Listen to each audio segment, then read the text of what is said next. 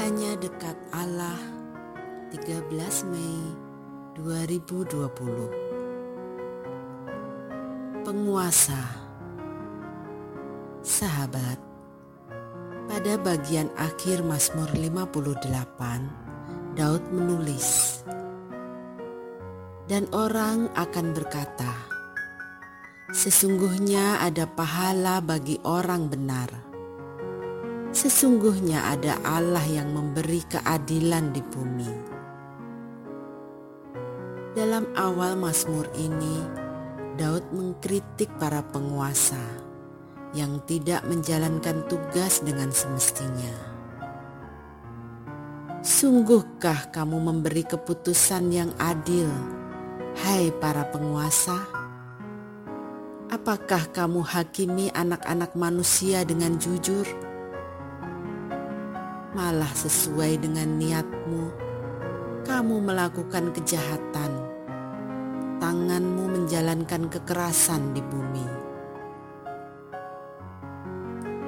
Sahabat, dalam pemahaman Israel, penguasa tertinggi adalah Allah. Raja adalah mandataris Allah. Dia mendapatkan kuasa dari Allah dan harus menjalankan kuasa itu sesuai dengan kehendak Allah sendiri. Seorang raja tidak boleh menyimpang dari hukum-hukum Allah. Dia harus menerapkan hukum-hukum Allah, dan karena itu, panggilan seorang raja adalah menjadi teladan. Persoalannya, para penguasa cenderung menyimpang. Kuasa malah membuat orang merasa boleh bertindak sekehendak hatinya dan lupa bahwa sebagai mandataris Allah, dia wajib mempertanggungjawabkan jalannya kekuasaan itu. Dan ketika raja menyalahgunakan kekuasaannya, Allah pasti akan menurunkan dia dari tahtanya.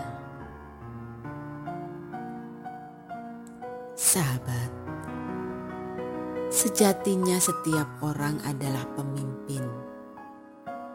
Setidaknya dia memimpin diri sendiri. Itu berarti setiap orang adalah mandataris Allah mesti mempertanggungjawabkan kuasa yang diberikan Allah sendiri. Kuasa itu skalanya bisa besar, seperti presiden, bisa juga kecil, seperti ketua RT. Bahkan sopir angkot pun punya kuasa, yaitu kuasa dalam memegang kemudi dan setiap kuasa harus dijalankan dengan sebaik-baiknya. Juga di tengah pandemi COVID-19. Jika tidak, maka Allah sendiri yang akan bertindak. Sebab Allah mau keadilannya ditegakkan di bumi. Salam semangat dari kami literatur perkantas nasional.